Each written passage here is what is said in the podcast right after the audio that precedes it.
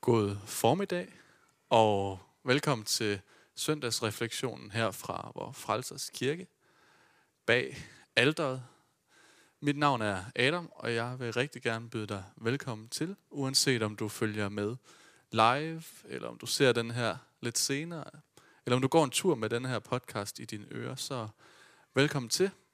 Vi skal i dag være sammen om temaet længsel efter fællesskab. Og jeg hørte engang en mand sige, at ensomhed, det er det, vi oplever, når vores fællesskaber ikke lever op til den længsel, vi har.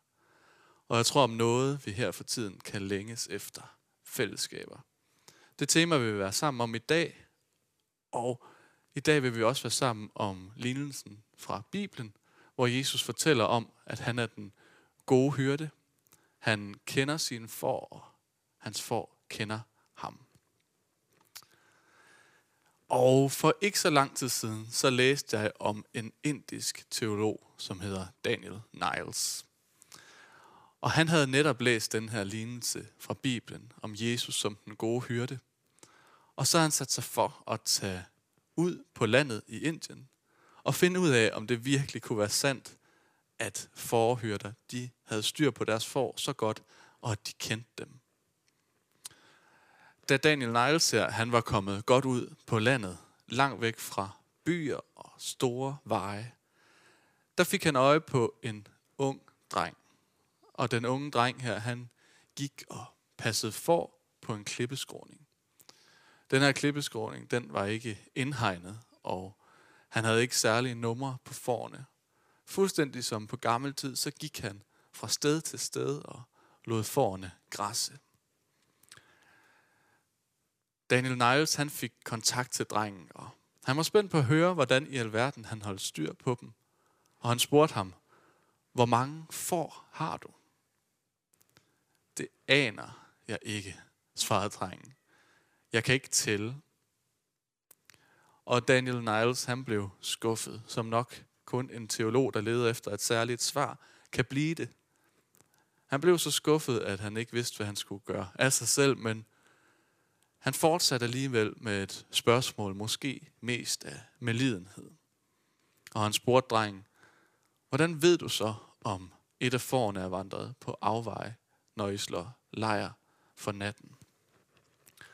Og til hans overraskelse, så svarede den unge dreng, jeg ved ikke, hvor mange der er vandret på afveje, men jeg ved præcis, hvilke får det er. Jeg kan ikke tælle, men hvert eneste får har et navn, og jeg kender det. Og som I nok kan høre, så fik Daniel Niles mere, end han kunne drømme om. Det var ikke til at tage fejl af. Det, der gjorde en rigtig forhørte til en rigtig god forhørte, det var, at han kender forne. Ikke at han har tal på dem eller særlige nummersystemer, men han kender dem. Han ved, hvad de hedder. Han ved, hvad deres kendetegn er.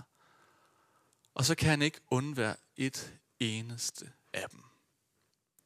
Og skulle det ske for den unge indiske forhørte her, at han kom hjem uden et af sine får, så vil han også gøre hvad som helst for at finde netop det får igen. Jeg er den gode hyrde, siger Jesus i lignelsen. Jeg kender mine får, og mine får kender mig. Og det ligger så dybt indlejret i kristendommen, at når der er tale om fællesskab mellem menneske og Gud, så er der ikke tale om en overfladisk, upersonlig, ubetydelig relation. Der er tale om et fællesskab, der stikker så meget dybere. Og vi mennesker, vi må indrømme, at vi længes næsten altid efter fællesskab. Fællesskab med nogen, vi kan dele liv med. På godt og på ondt. Vi længes efter relationer, hvor vi kender hinanden så godt, at det bliver til andet og mere end small talk eller tomme meningsudvekslinger. Og jeg tror ikke, at vi har det fra fremmede. Gud længes også efter fællesskab. Han længtes så meget efter fællesskab, at han i første omgang skabte mennesket. For sidenhen at sende sin eneste søn til jorden, for at han en gang for alle kunne etablere et kærligt fællesskab mellem Gud og mennesker. Og den gode hyrde og Jesus, de adskiller sig markant fra daglejren. På det her tidspunkt, der eksisterede der også daglejre. Og de var også sat til at passe for. Men de var fuldstændig ligeglade med, om et får eller to skulle blive væk. Og de kunne ikke tage sig af, hvis ulven kom. For de skulle passe mest af alt på sig selv, deres eget liv, og så skulle de tjene dagens løn. Så var det lidt lige meget, om man skulle miste et får i den forbindelse.